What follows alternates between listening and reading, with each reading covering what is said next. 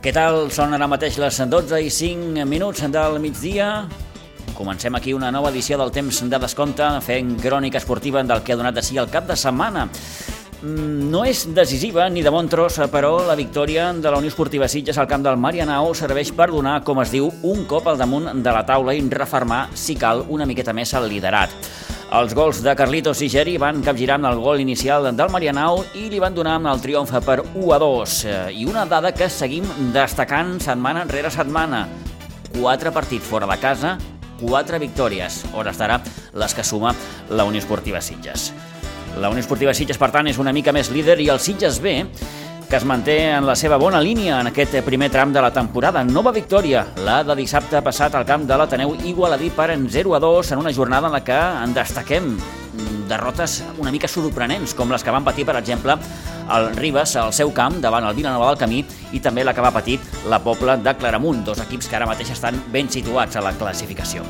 I futbolísticament parlant, també hem de destacar la victòria del juvenil A de la Blanca, que es va imposar ahir 2 a 1 al líder, el Nou Pinsbens. Segon triomf consecutiu i un respir, com es diu en aquests casos, per al conjunt que dirigeix Raül Aroca. Repassarem d'aquí moments tot el gruix de la jornada futbolística, una jornada que també ens ha deixat la setena victòria del bàsquet Sitges. 80 a 87 es va imposar el conjunt de Balta Molina a la pista del Manyanet. La derrota del Club Patí Subursitges 0 a 2 davant el Monjos va mereixer una miqueta més aquest Club Patí Subursitges que va tan curtet d'efectius al conjunt de Jofre Vilà. Una jornada que també ens ha deixat la derrota del Rugby Club Sitges davant el Rugby Club València dissabte passat el polivalent de Pinsbens. No arriba de moment aquesta primera victòria del conjunt de Camilo Hanglin a la divisió d'honor B. I a la segona part del programa haurem de tenir temps eh, també per recordar l'acte d'homenatge a Juan Carlos Unzué que va tenir lloc el passat dissabte a Aigua Dols.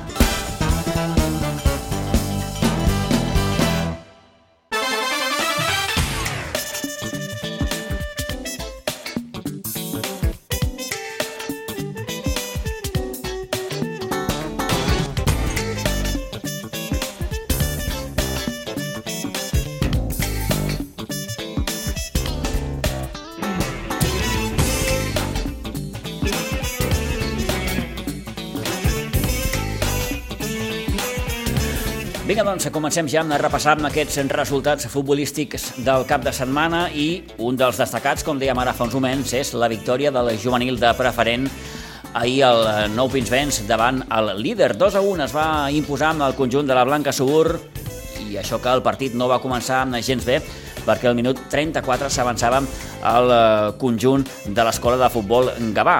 Nacho Soler igualava el marcador al 56 i Maur Vázquez feia el gol de la victòria al 83.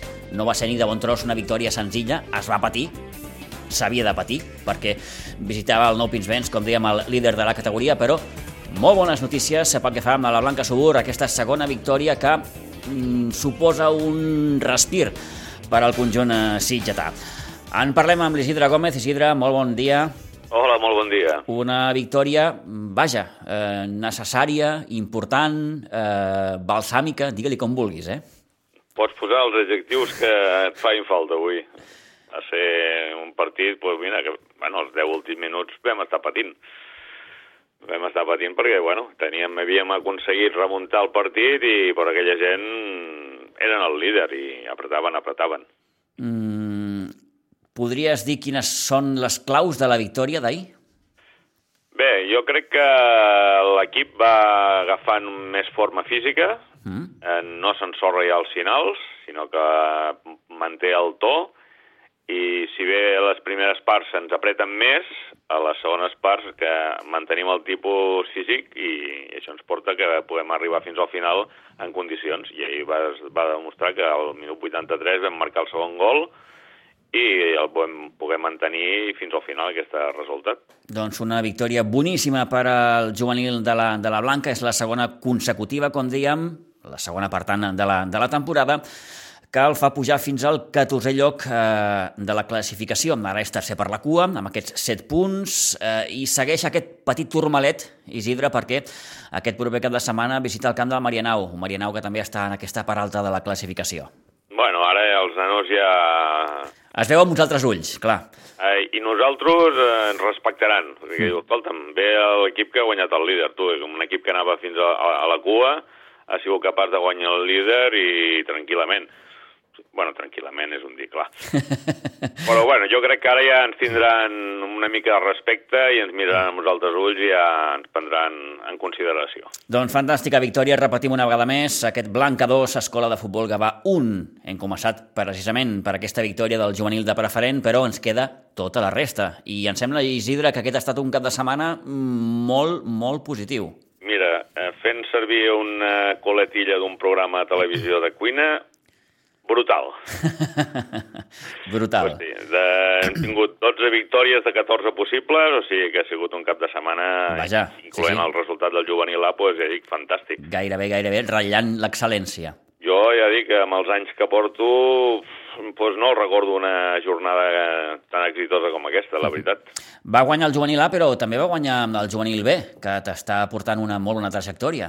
Sí, sí, el, el nanos del Dani estan que se salen i aquí estan. Uh, igual ens donaran una sorpresa i ens, ens pujaran l'equip a, a primera divisió, que seria tot un, un èxit. Victòria al camp del Sobirats Unió Esportiva. 1 a 3, sí senyor. Uh mhm. -huh. I continuant amb els altres equips, doncs mira, el cadet A, aquest va ser la, la, la, la nota negativa, va perdre 0-2 a Pinsbens contra l'Escola de Futbol Gavà. El cadet B es va imposar a Pinsbens 2-1 al Sant Sadurní en categoria infantil, a l'infantil A va guanyar 0-1 al camp de l'Atlètic Sant Just. A l'infantil B va perdre Pinsbens 1-2 contra el Sant Sadurní B. En, I finalment a l'infantil C es va imposar 0-5 al camp del Ribes B.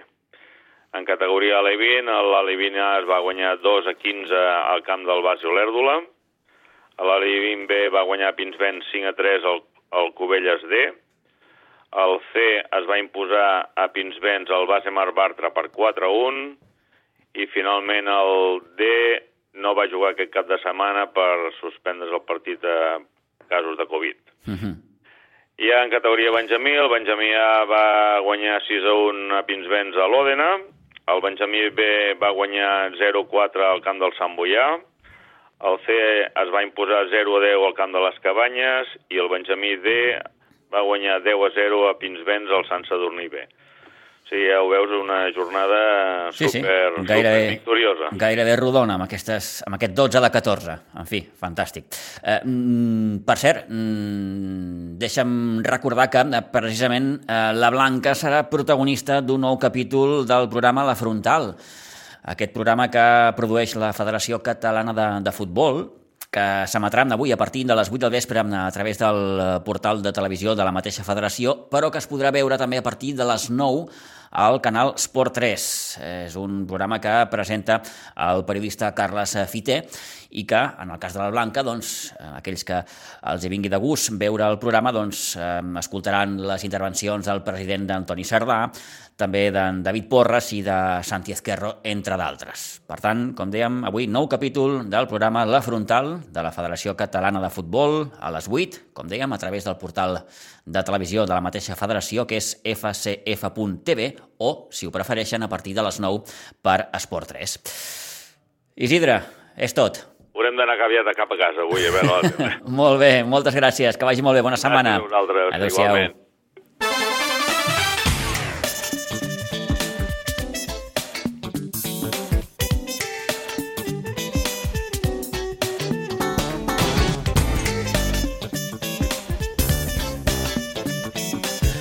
12 i 14 minuts del migdia podem dir obertament que ha estat un bon cap de setmana futbolísticament parlant. D'aquí uns moments repassem tot el gruix de resultats a segona i tercera catalana.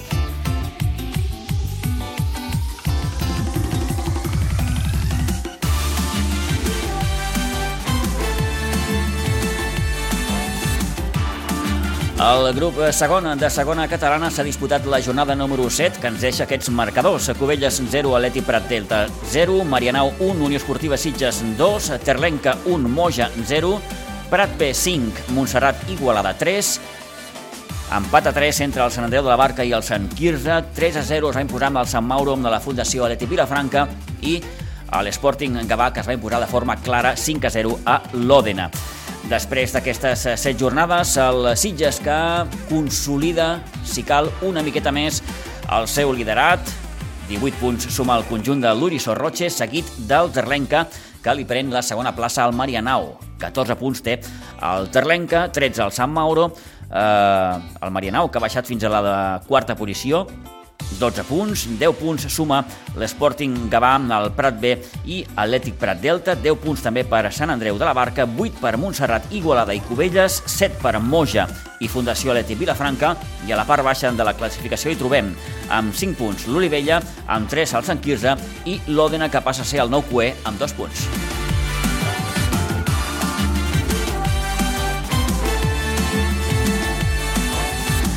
Ja els ho dèiem divendres i els ho hem tornat a repetir avui dilluns.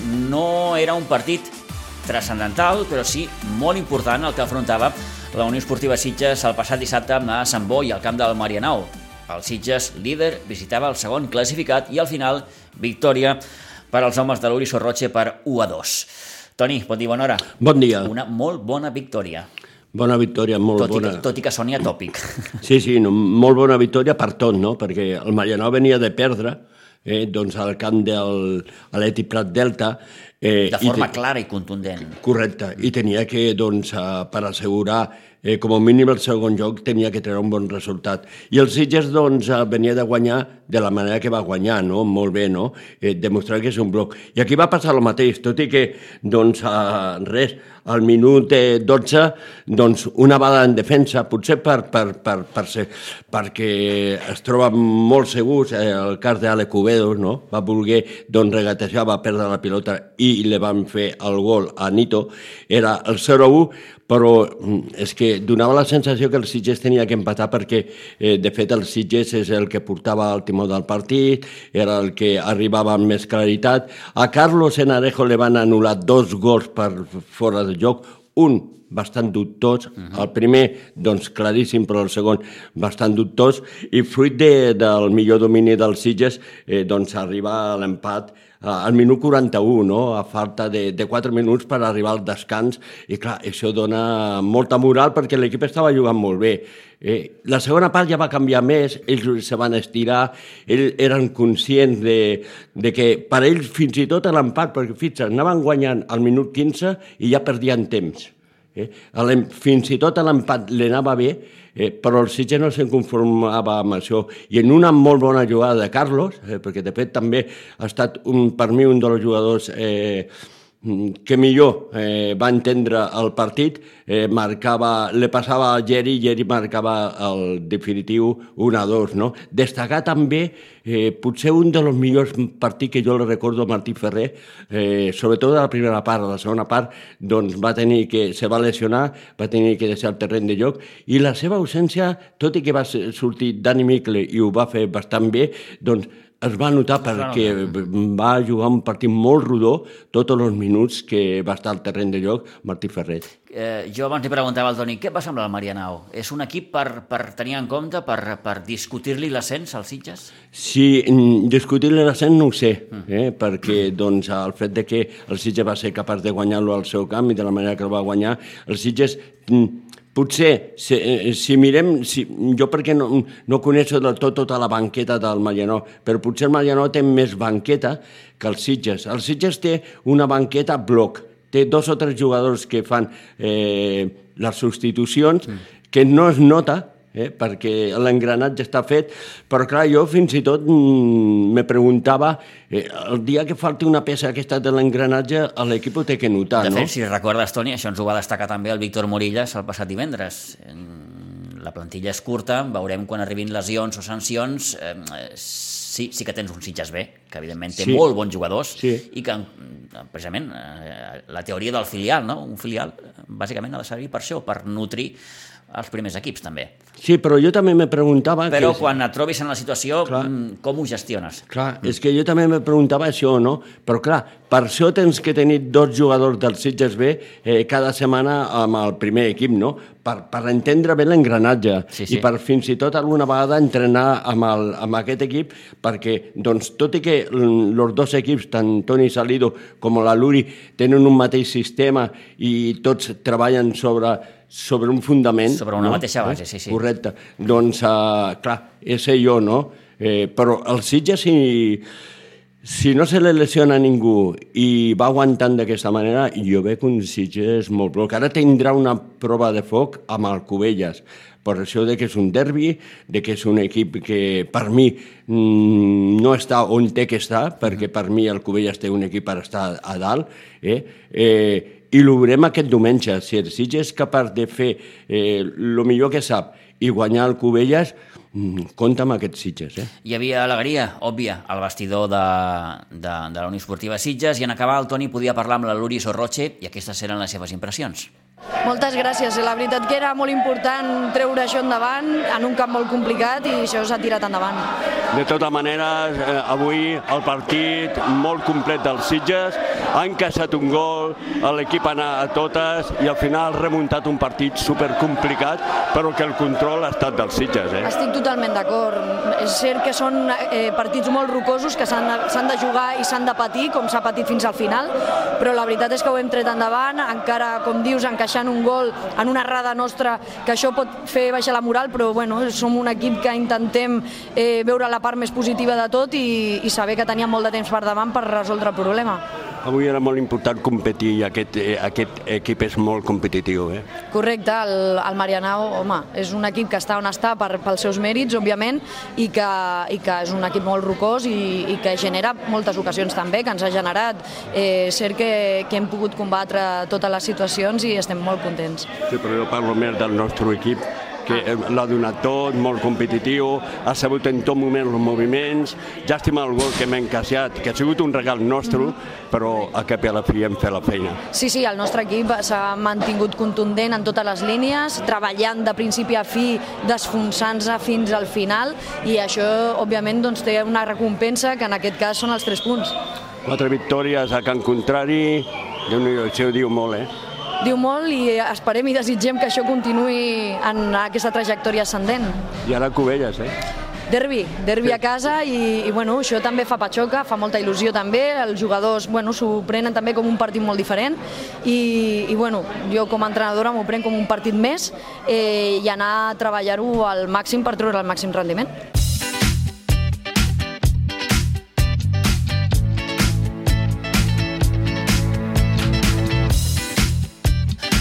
Doncs és la dada. Quatre partits fora, quatre victòries, Toni. Sí, sí, sí. Sí, sí, a més... És una, una dada que explica doncs, per què ara el Sitges eh, ocupa la posició que ocupa, aquest primer lloc. Sí, e, és molt important els punts que, que pots sumar a Can Contrari. E, sempre s'ha dit que és molt interessant assegurar el punt de casa, però sumar a Can Contrari, i de la manera que, eh, que ho està fent el Sitges, de fet, si no recordo malament, ha encaixat dos gols a Can Contrari. Això ho diu tot. Ho diu tot, ho explica perfectament. Uh, diumenge acabem a un quart d'una de migdia amb Cubelles. El Cubelles de Xavi Vilabut serà el rival de la Unió Esportiva Sitges, un Covelles Toni que en aquesta setena jornada no va passar de l'empat a zero al seu camp amb l'Eti Prat Delta. Eh, eh, era un partit complicat i en un partit molt rocós, eh? poques ocasions, eh, molt migcampisme, al final eh, ells van portar el puntet que volien i, i bé, sumar pel Covelles és interessant, tot i que jo mm, reconeixo que el, Subell, eh, que el Covelles amb l'equip que té tindria que estar més a dalt. Uh mhm. -huh. A veure si aquesta setmana podem xerrar uns minuts amb el míster, amb el Xavi Vilagut, perquè ens pugui explicar bé, aquest inici de temporada, no? per aquest Covelles que, com dius, Toni, probablement mereixeria estar un palet més, més, més ben classificat. Sí, a favor també té que ell ja sap el que és descansar, perquè de, de fet també això va trencar una miqueta l'equip, perquè descansa la segona jornada. Clar, això sí, fa... segons fa un, com, aquesta última jornada ha descansat l'Olivella. Eh? Fa una miqueta de mal, mm. i, i, i precisament descansa després de guanyar perquè clar, és un dels equips amb els Sitges que ha estat capaç de guanyar el Marianao Provet al seu camp. Sí, senyor. Eh, en la primera jornada. Tot just va ser la primera jornada. Això va passar una miqueta al Cubelles i ara se tenen que recuperar de tot això, però jo torno a repetir, el partit que jugarà Sitges-Cubella és un partit per veure'l, perquè serà un partidàs, eh? Sense cap mena de dubte. Diumenge a un quart d'una del migdia al municipal d'Aiguadols. Eh, passem full, deixem la segona, repassem ja la tercera catalana.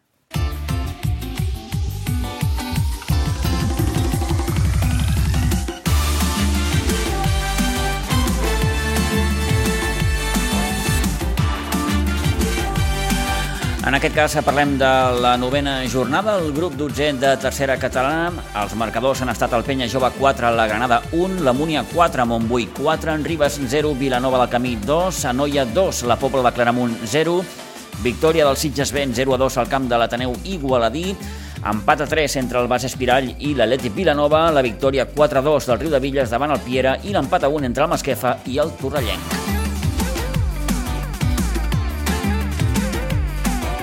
La penya jove de les Roquetes continua manant, 24 punts, líder el conjunt roquetenc, segon el Ribes, tot i la derrota, amb 21 punts, tercer el Sitges B amb 20, 19 punts per en Riu de Villes, 16 per la Pobla de Claramunt, 14 per Anoia, 13 punts sumen Atlètic Vilanova i Vilanova del Camí, 11 el Bas Espirall i la Múnia, també les Cabanyes, 8 punts per Montbui, 7 punts per la Granada, i a la part baixa trobem el Torrellenc amb 6, el Pier amb 4, el Masquef amb 3 i el Cué, l'Ateneu Igualadí.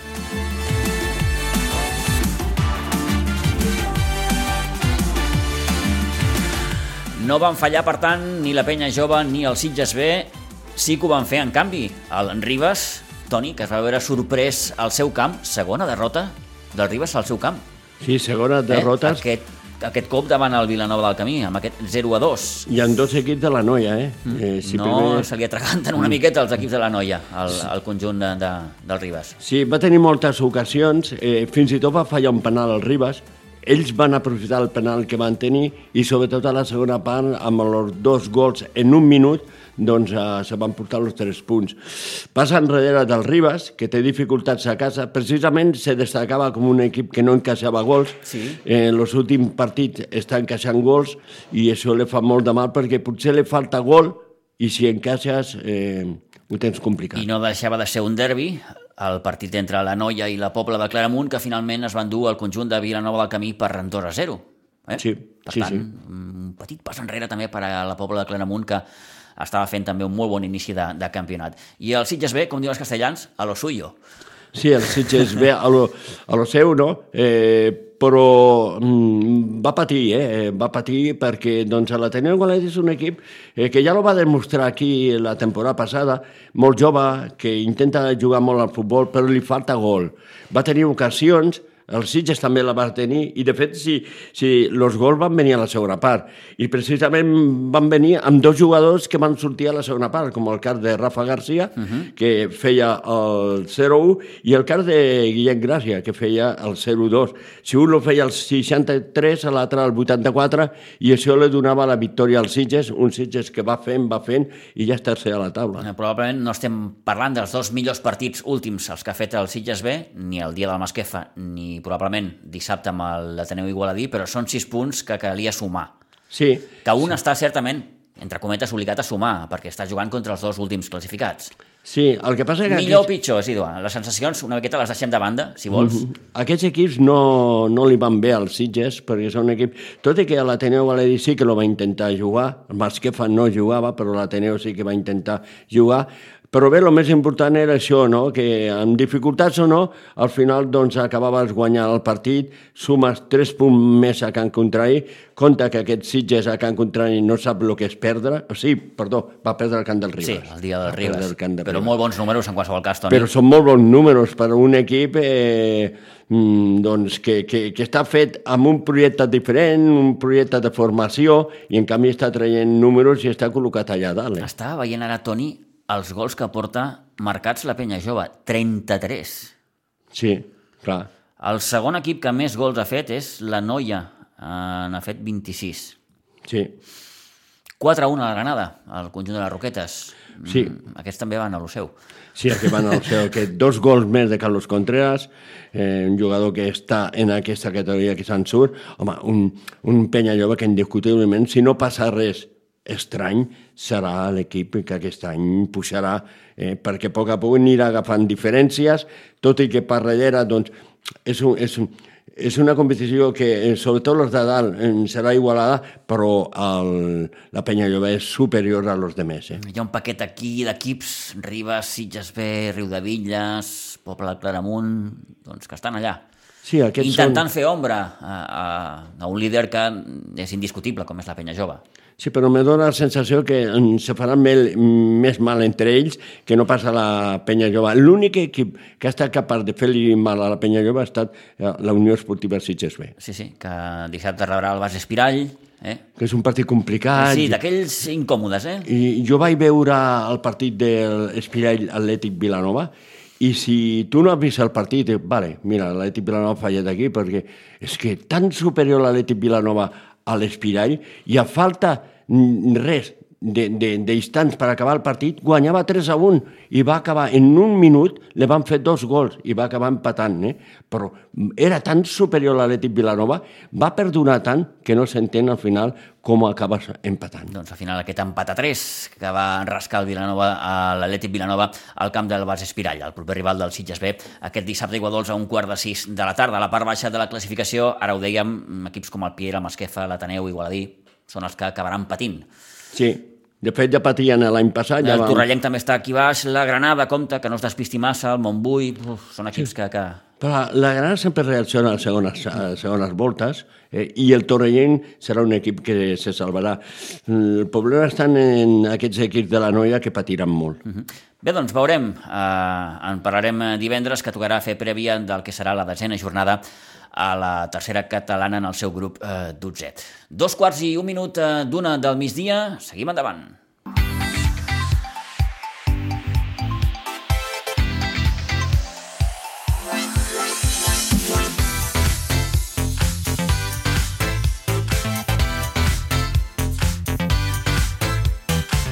I seguim endavant perquè hem de parlar encara d'en rugby, parlar de la, no, de la nova derrota del Rugby Club Sitges que dissabte perdien 10 a 24 amb el Rugby Club València amb el camp de Pinsbens. La de dissabte era la quarta derrota dels sitgetans en aquesta divisió d'honor B. Aquest proper cap de setmana s'enfrontarà també a casa, també a Pinsbens, el Sant Cugat, un Sant Cugat que en aquesta última jornada s'imposava el Buc per 37 a 22. La resta de marcadors de la quarta jornada de la divisió d'honor B han estat Acra Bàrbara 25, Fènix 22, Sant Roque 12, l'Hospitalet 18, Gòtics 12, Poble Nou 21 i Barbarians de Calvià 13, Cau València 57. L'Hospitalet i el Cau València dominen ara mateix aquest grup B amb 4 victòries a la part baixa de la classificació. Gòtics, Sitges i Calvià encara no s'han estrenat. No ha estat una bona jornada per als equips de formació del Rugby Club Sitges perquè ha perdut el sub-18, ho va fer 39 a 12 amb la Unió Esportiva Sant Boiana, també va perdre amb el sub-16, 25 a 48 amb l'INEF de Lleida i van perdre també amb els sub-14, 0 a 78 amb la Unió Esportiva Sant Boiana.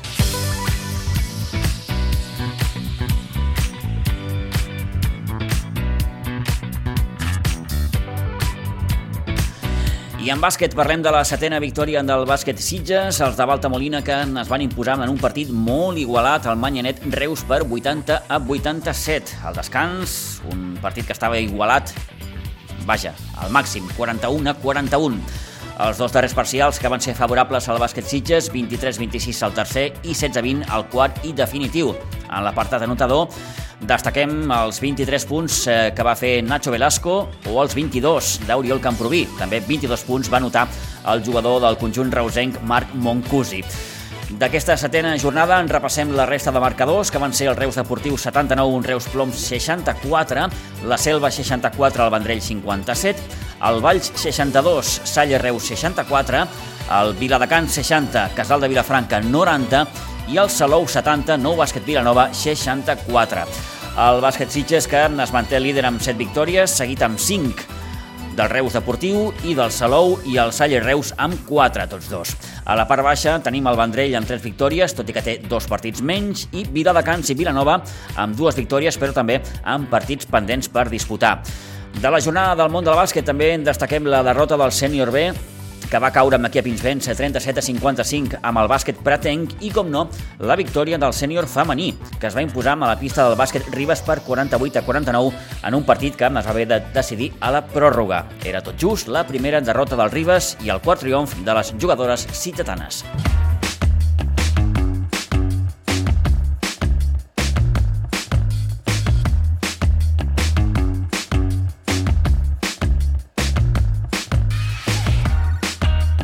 En hoquei patins, el Club Patí Subursitges va perdre dissabte a Pinsbens 0 a 2 davant el Club Patí Monjos, un Monjos que va notar amb els seus dos gols a la primera meitat. Ho va intentar amb el conjunt de Jofre Vilà, però tot s'ha de dir amb una evident manca de gol i amb un planter que a hores d'ara es troba molt curt d'efectius. Dissabte, perquè se'n facin una idea, només hi havia una possible substitució a la banqueta. Bon partit, malgrat tot, del porter Xavi Montoya, amb qui varen poder parlar al final del maig. Crec que els dos últims partits, tant el dia del Vilanova com avui, eh, almenys jo he notat molt l'evolució de l'equip i crec que poder avui ens mereixíem alguna més.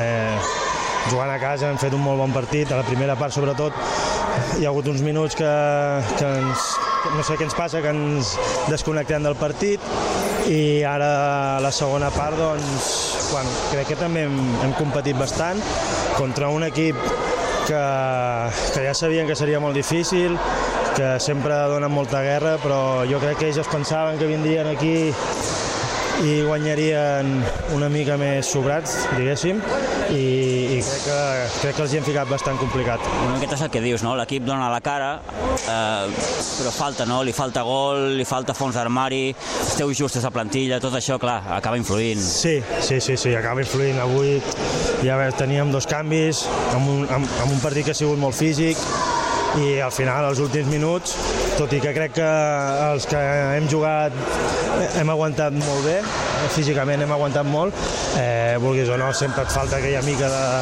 de cosa per, per acabar de, de fotre-la dintre. I, bueno, el del gol ja és, és un cas a part. Sí, mira que els entrenem, els, els, els entrenos, hòstia, fotem les pilotes dintre, no sé què, però bueno, no sé si els partits, jo que sé, la pressió, l'ansietat, la, no sé, suposo que ojalà, ojalà que quan comencin a entrar les pilotes entrin totes ja. Suposo, Xavi, que, que la situació també afecta, no?, la plantilla. Mm, jo li preguntava l'altre dia al míster, al Jofre, que si això a nivell mental afectava. Ell diu que mentalment no, que, que, que, que encara l'equip està en fase constructiva i que, i que bueno, tot això s'ha d'anar assimilant.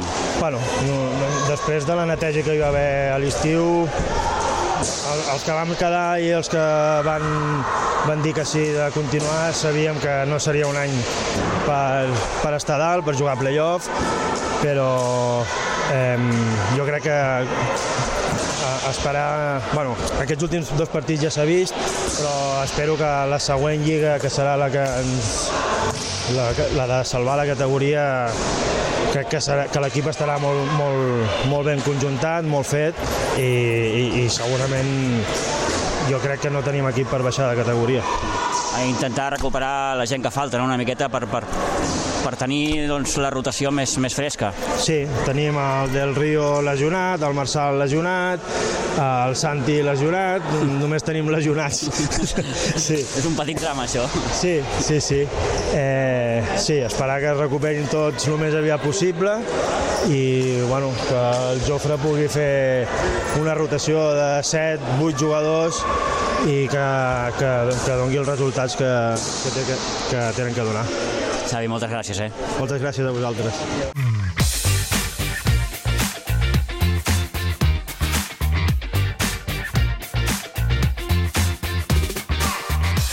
Bé, doncs aquesta derrota del Club Patí Subursitges que el continua deixant en la penúltima posició de la classificació amb només un punt. El Monjos és nou líder després del seu triomf a Pinsbens i l'empat a 6 entre el Congrés i el Cornellà. El proper partit no serà fins d'aquí 15 dies, eh, ja que el desplaçament a Andorra de la propera jornada s'ha ajornat fins al dia 4 de desembre, dissabte 4 de desembre. D'aquesta jornada del món de l'hoquei també destaquem la derrota de l'Aleví, que va perdre 6-4 a la pista de l'Arenys de Munt, també va perdre el Benjamí 1-10 amb el Cubelles i els prebenjamins, que van aconseguir la victòria 4-0 amb el Cubelles.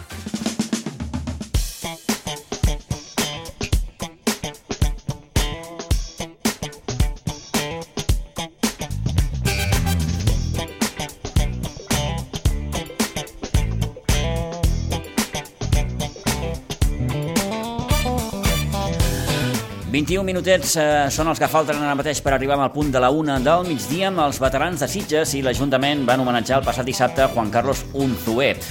El qui fou porter, porter del Barça i Osasuna, entre d'altres, ja té la seva rajola al passatge de les estrelles del municipal d'Aigua. Un acte que, per cert, també va servir per recordar aquell primer mundialet de futbol de veterans que es va fer l'any 2001. Allò que va començar, com recordava el periodista Xavi Torres, que va presentar l'acte el passat dissabte, que va començar com una juguesca que li va fer el malaurat i recordat Javier Urruti als veterans de Sitges, allò de no tenéis huevos de organizar un mundial, doncs els veterans de Sitges sí que van tenir els de Llonses d'organitzar un mundialet que va comptar si ho recorden, amb la participació d'equips com el Barça, com l'Espanyol, com la selecció russa, el Chelsea, el Boca Juniors, el Corinthians de Brasil i la Reial Societat, que finalment va ser l'equip campió. Juan Carlos Unzué, gran protagonista, com dèiem, el passat dissabte a Iguadols, al Navarrés, que en recordem li fou diagnosticat ELA. Ara fa més o menys un any i mig, va estar acompanyat de molta, moltíssima gent, família, amics, exjugadors, i varen veure uh, Salinas, Vaquero, Roger Garcia, Jofre Mateu, Alexanco, Quique Costas, Andrei Shepkin, Milan Kalina, Quique Càrcel, entre molts i molts amics que van voler acompanyar a uh, Juan Carlos Unzué. Un Juan Carlos Unzué que va tornar a mostrar amb el seu positivisme i el seu sentit de l'humor i va insistir sobretot en la importància de la investigació mèdica perquè els futurs malalts d'ELA puguin ser tractats. ¿Tenéis algún plan para hoy? Cada vez que me dan un micrófono se jodieron los planes para todos los que me están escuchando, ¿eh? que lo sepáis. Bueno, voy a intentar ser eh, conciso. ¿eh? Eh, lo primero, agradecer a, desde la alcaldesa a, a la persona aquí, pues para pasar este rato muy agradable para mí sobre todo, espero que también para, para vosotros. Y, y, no sé qué os, qué os puedo contar, porque llevo una semana que he contado tantas cosas ya que a veces tengo la sensación también de que quizá me están escuchando los mismos y no es así, ¿eh? y, y, pueda resultar un poco pesado, ¿no? Pero bueno, dentro de ser pesado, lo que sí creo sí, ¿Se escucha? Sí. Lo que creo que molesta menos es que, que escuchemos algo positivo, ¿no? Y, es un poco lo que os puedo transmitir yo. Pero no pensado, o sea, es, es algo que me sale de forma natural. Eh, yo lo, lo, vengo repitiendo que lo que transmito es eh, lo que pienso y lo que siento. Y además ahora sin ningún miedo, porque vengo de pues de, de, de una de un tipo de vida donde normalmente hemos tenido que cuidar mucho el qué decir y el cómo decirlo, ¿no? ¿Eh? A veces era lo que me apetecía, pero tenías que pensar en el equipo, tenías que pensar en el club, tenías que pensar en, en que fuese bueno o malo para los demás, ¿no? Y a veces callaba. Ahora no tengo miedo de nada. ¿A qué le voy a tener miedo en estos, en estos momentos, no? Entonces, realmente me doy cuenta que en el momento que uno se abre, se sincera, llega con más facilidad al que, al que está escuchando, ¿no? Y esto lo, lo vengo sintiendo en todos estos últimos meses. Eh, yo lo único que, que, me gustaría que transmitiros aquí es eh, esa frase que he repetido muchas veces, que la, la, vida merece la pena incluso cuando las, las, cosas parece que se están derrumbando, ¿no? Eh, lo dije el día de mi rueda de prensa, de esa manera, así me salió, y lo sigo repitiendo, y lo sigo sintiendo así. La vida merece la pena. El que hoy nos hayamos podido despertar y poder disfrutar de este magnífico día aquí en Sitges es un privilegio. Y lo tenemos que sentir así, lo tenemos que valorar así, que a veces eh, la velocidad que, que, lleva nuestra sociedad o que nosotros hemos creado, pues nos, nos nubla ¿no? la vista y, los pensamientos y realmente valorar lo, lo, que, lo que creemos que es, que es importante. Y antes decía aquí el presidente, eh, los veteranos, eh, el cariño, ¿no? el cariño de tu familia, el cariño de tus amigos y el respeto, eso eh, le da sentido a todo absolutamente a todo. En, en mi caso, además, eh, en el caso de los pacientes de ELA, si cabe eh, más claro, porque si no tienes ese, ese entorno cercano, fuerte, unido, esta enfermedad es imposible de, de, de poder subsistir, ¿no? Pues porque al final nos hace dependientes 100%, 24 horas al día, 365 días al año, ¿no? Entonces, eh, tener la familia al lado si cabe más unida que nunca, ¿eh? que ya lo estaba en mi caso, pero si cabe más unida que nunca, eh, pues a mí me da fuerza. Me da, me da seguridad, me da fuerza y es una motivación. Yo me acuerdo que un día mi mujer, por ejemplo, hace unos cuantos meses ya, después de escucharme ¿no? en algunas entrevistas y de sentir pues un poco lo que decía, eh, me dice Juan Carlos, yo no, no quiero que sientas eh, que, que, sea una obligación eh, que nosotros estemos bien. Me dijo así, ¿no? Y yo le dije, no, no es ninguna obligación. Para mí es una motivación saber que si yo estoy bien, vosotros vais a estar bien también o mejor para mí es una motivación, no es ninguna obligación. Entonces, eh, vuelvo a repetir, tener un entorno como el que, como el que yo tengo es el que da la posibilidad de, de subsistir con esta enfermedad y sobre todo le da sentido a mi vida. ¿no?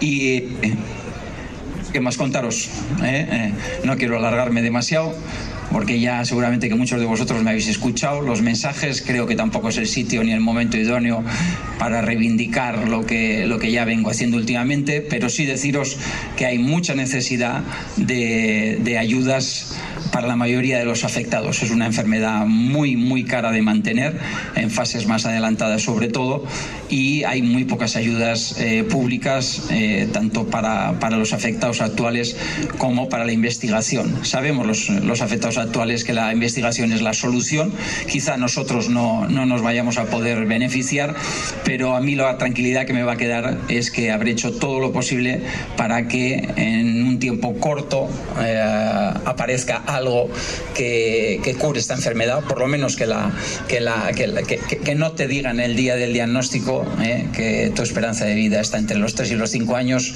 y que esta es una, una enfermedad incurable. ¿no? Yo me quedaré con esa, con esa tranquilidad y con, y con, el, bueno, con la sensación de haber hecho dentro de mis posibilidades eh, todo lo posible. Muchas gracias por venir, vuelvo a repetir. Gracias.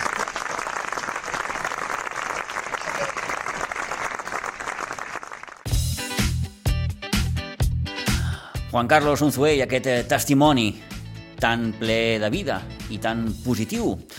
Un Juan Carlos Unzué que va començar a jugar amb els veterans dels Sitges l'any 1999. Curiosament, sempre ho feia de jugador, mai de porter. Ara mateix té 54 anys, és natural de la localitat navarresa d'Orcoyen i una dada molt curiosa.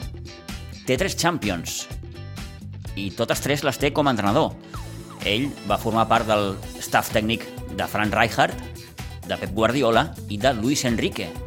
No la té com a jugador, però sí la té com a tècnic. Més testimonis, en aquest cas, d'un bon amic seu, José Mari Vaquero. Hola, buen día. Bueno, realmente el capitán del Dream Team es Alessanco, que está ahí. No me va a escuchar, pero le saludo. Es él el que tenía que venir aquí, porque la verdad que cuando vinimos en el 88, ¿no, Juan Carlos?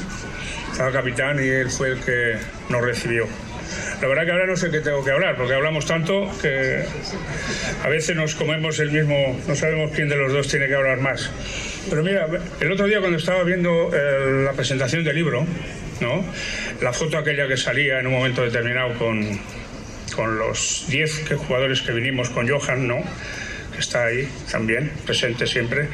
Es decir, ahí empezó un camino de relación personal contigo y con María, evidentemente, y luego ya llegaron los hijos, que ya hablaremos, ¿no? Y ahí empezó un camino del que luego fue Dream Team.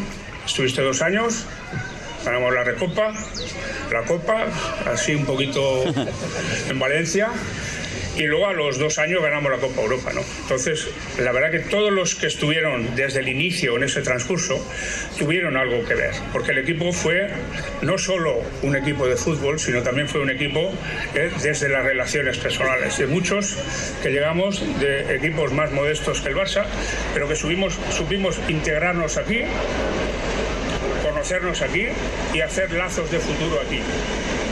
Partir de ahí, tú tomaste un camino por otros, ¿eh? por otros equipos y muchos de nosotros seguimos aquí, pero otros muchos compañeros también fueron en otros caminos. ¿no?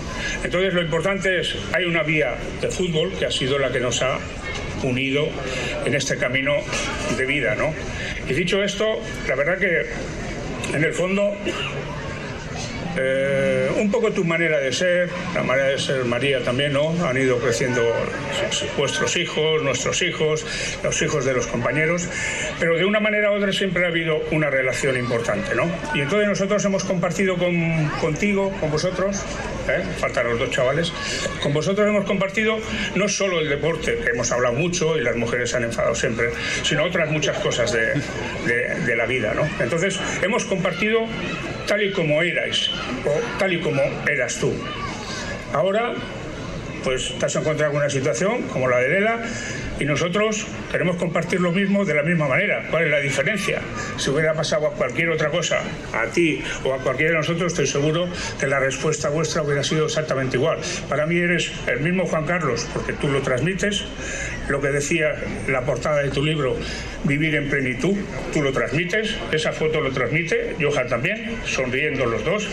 Y por lo tanto, con eso nos tenemos que quedar. Yo creo que todos los que estamos aquí no estamos aquí, o yo por lo menos no estoy aquí porque tienes el ELA. Estoy aquí porque te aprecio, porque te queremos, porque queremos tu familia y por lo tanto, eso que hemos compartido antes en ese día a día, lo tenemos que compartir ahora en este día a día, que es diferente. Y para acabar, simplemente decir que ya que está ahí también, Johan decía, creo que lo hemos hablado alguna vez, no sé si tú más que yo, pues creo que sí como decía siempre, todo es mental. Decía, ¿hace frío? No, es mental. Estoy cansado. No, es mental. Y es más, yo cuando el esto de en el Camp Nou en la despedida que hicimos dije, Johan, todo es mental. Ahí donde estés, enséñales qué es eso. Y yo lo, di, lo he dicho siempre desde, desde la teoría, ¿no? Y realmente veo desde la práctica tuya que efectivamente todo es mental. Juan Carlos, te quiero mucho, la misma ilusión, los mismos retos, los mismos objetivos. María, igual, ¿vale?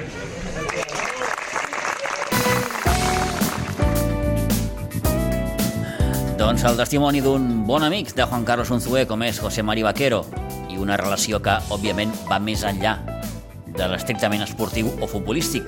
Hi ha una relació, òbviament, com molts dels membres d'aquell recordat Dream Team, de molta, molta amistat. El Futbol Club Barcelona també hi va ser representat en aquest homenatge amb eh, Juan Carlos Unzué, en aquest cas en la persona de la directiva Helena Ford, qui va voler destacar la figura de Juan Carlos Unzué com un exemple per encarar la vida amb alegria i esperit positiu. Bon dia a tots. Eh, seré breu perquè després de les paraules que heu dit tots és difícil parlar, eh? Es fa molt difícil. Juan Carlos, eh, eres un ejemplo y eso lo sabemos todos. Y eres un ejemplo porque miras la cara, la vida de cara y con alegría. Y eso también es lo que representa el Barça.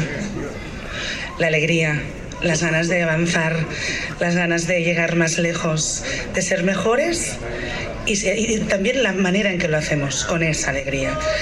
Por lo tanto, yo creo que desde el Barça te han dicho muchísimas cosas. Sabes que es tu casa, que la tendrás siempre. Que yo en la próxima junta directiva, que nos reunimos la semana que viene, pondré tu nombre encima de la mesa para, para que formes parte de este, de este cuerpo técnico. No te hace falta, sabes que puedes venir cuando quieras y hacerlo.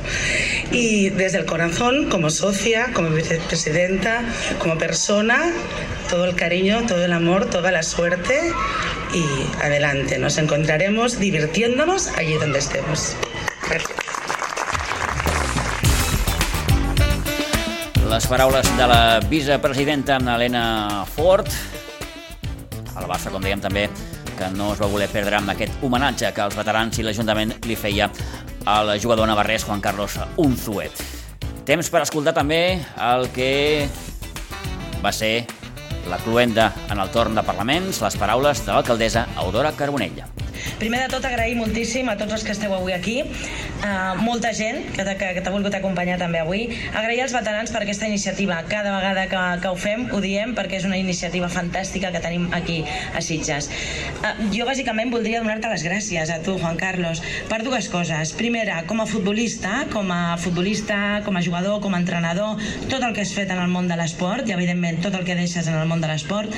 I també com el que parlaves ara, com a persona afectada per una malaltia potser minoritària o desconeguda o no tan coneguda, aquesta part que fas de difusió, aquesta part que fas per recaptar, sobretot per la recerca, això és importantíssim, que una persona reconeguda, coneguda per molta gent, parli obertament i ho expliqui, eh, eh és, és, un, és un suport importantíssim per qualsevol malaltia i, i per qualsevol fet, no? que la gent que ho pugueu, que sou altaveu, que feu això. Per tant, moltíssimes gràcies per les dues coses, pel gran futbolista que, que, que ets i que has estat i sobretot per aquesta difusió que fas d'aquesta malaltia. Per nosaltres és, és molt d'agrair. Avui t'acompanya moltíssima gent, ho veiem, no? el teu tarannà, la teva personalitat no, no, vol dir molt no? que ens acompanyi tanta gent i per nosaltres com a sitgetana i com a tots els que ens acompanyen avui, eh?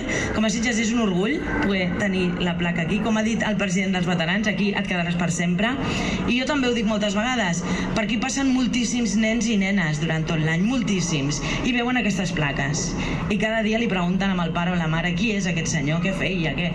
I és una oportunitat per explicar-los i per dir-los moltes de les coses, moltes de les històries de grans esportistes i de grans persones que estaran sempre aquí, en aquesta paret, i també en el cor de tots els sitgetans i sitgetanes, n'estic segura. Així que moltíssimes gràcies. També recordar que celebrem els 20 anys del Mundialet, no? I moltíssimes gràcies també als veterans que sempre amb la seva força i la seva empenta fan que siguem tirant endavant. Moltes gràcies a tots i a totes.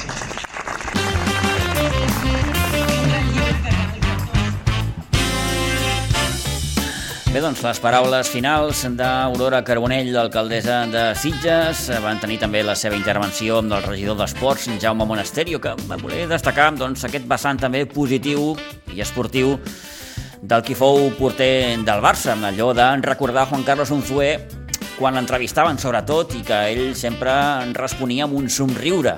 Mm, no eren les clàssiques entrevistes als futbolistes allò seriosos. I... El senyor que Juan Carlos sempre hi posava una dosi d'humor i d'esperit de, positiu. També paraules com no podien faltar del president dels veterans de Sitges, eh, Jaume Bou, que també va voler destacar doncs, la, la tasca dels veterans per eh, homenatjar totes aquestes eh, persones, tots aquests vincles eh, familiars i d'amics eh, que s'han anat teixint amb el pas dels, dels anys. I, I un llibre, recordem que hi ha un llibre que s'ha publicat recentment, eh, es diu Una vida plena, és doncs, una biografia de Juan Carlos Unzué eh, que han escrit conjuntament Marcos López, Ramon Bessa i Lu Martín. Els reconeguts periodistes Marcos López, Ramon Bessa i Lu Martín en companyia de eh, Juan Carlos Unzué amb aquest eh, llibre Una vida plena que servirà bàsicament per recaptar fons per la investigació eh, per la ELA, aquesta malaltia que té uns 4.000 afectats eh, i que, com destacava Juan Carlos Unzué, doncs, encara no rep el suport de, eh, públic per poder-ho combatre. Una malaltia que a hores d'ara, com saben, no té cura i que ja ho han escoltat, com l'afronta una persona com Juan Carlos Unzué, amb quin esperit positiu. Per cert, hi va haver Pilar de 4 de la colla jove dels castellers de Sitges. Un Pilar així una mica, no diré estrany, però sense gralles. Li va, li va faltar les, les, les gralles. Però, en fi, una jornada maquíssima la que es va viure el passat dissabte al municipal d'Aigua Dols. I amb això acabem, i amb això pràcticament arribem a la una. Gràcies de nou per fer-nos eh, confiança. Toni, moltes gràcies. Molt bé. Ens en retrobem el divendres per fer prèvia del cap de setmana esportiu. Bona setmana i fins divendres. Adéu-siau.